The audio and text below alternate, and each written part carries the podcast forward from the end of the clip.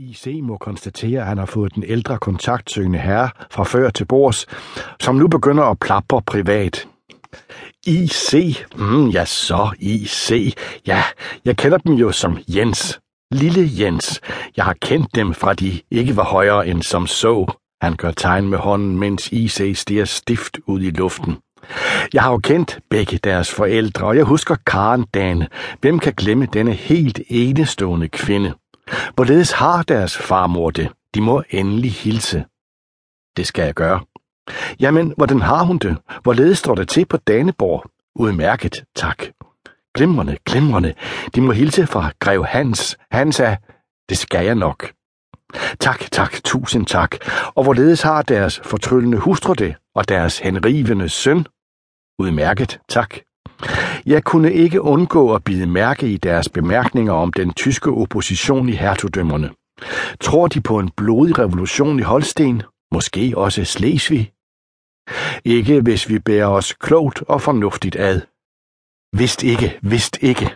Men med forlov, de er gift med en tysk kvinde. Det er vel netop dette faktum, at deres ægteviv stammer fra Holsten, der har givet dem deres meget agtede ekspertise i tyske anlægner. Min hustrus loyalitet og kærlighed til det danske rige står ikke til diskussion. Bevares, men de har dog problemet inde på livet. Hvilket problem? Bevares, bevares, men lige nu taler alle om fri forfatning. Må jeg spørge dem rent ud af posen, Jens? Undskyld, IC. Hvad mener de? Er tiden moden til en sådan? Prins Christian Frederik gav dog en fri forfatning til Norge.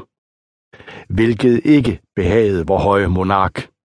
På ingen måde. For Frederik den 6. var dette en fej og usel handling. Men det delikate er, at denne prins Christian Frederik en skønne dag vil blive kronet som konge af Danmark, som kong Christian den 8. Sådan er arvereglerne. Jeg gruer for den dag. De ved vel, at kronprinsen ikke har styr på sit familieliv. Jeg løber ikke med sladder. Nej, Gud forbyde det, men som lydig undersåt må man alligevel tænke sit. Den korpulente greve tager sig en gevaldig slurk af sin punch. Svedperler løber ned af hans fede kinder og opsuges i en ikke helt ren flip.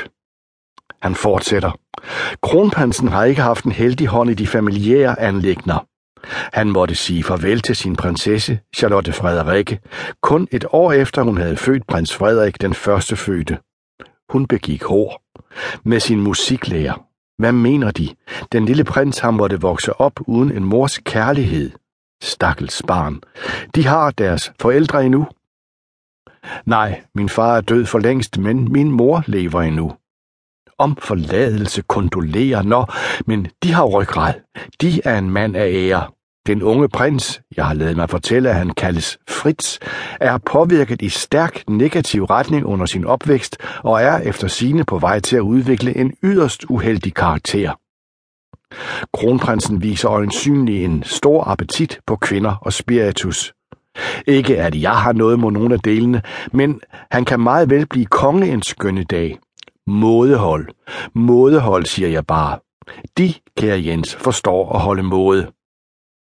Man kan kende et mandfolk på hans grad af selvkontrol. Disciplin skal der til skål. Nu venter der kaffe og cigar og konjak i de tilstødende gemakker. Hør, har de bemærket den lille mørke kokkepige, der har hjulpet med serveringen? Hun er vist ikke uinteresseret i dem. Jeg er en lykkelig gift mand.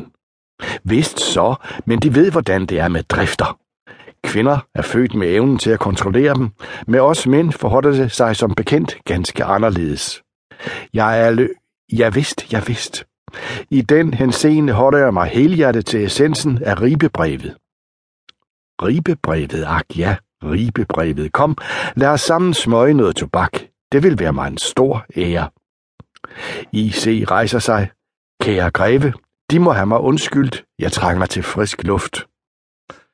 Vinden rusker i IC's slængkappe, og han må holde på den høje hat. I gæstgivergården er der lys og larm, men resten af Roskilde er gået til ro. Selv byens vægter. Han ligger snorkende i en port, og i det IC passerer, noterer han sig en stank af bræk og spiritus. Han er ikke helt ædru selv. Han plejer nok at kunne styre sig, men den gamle gris fik på umærkelig vis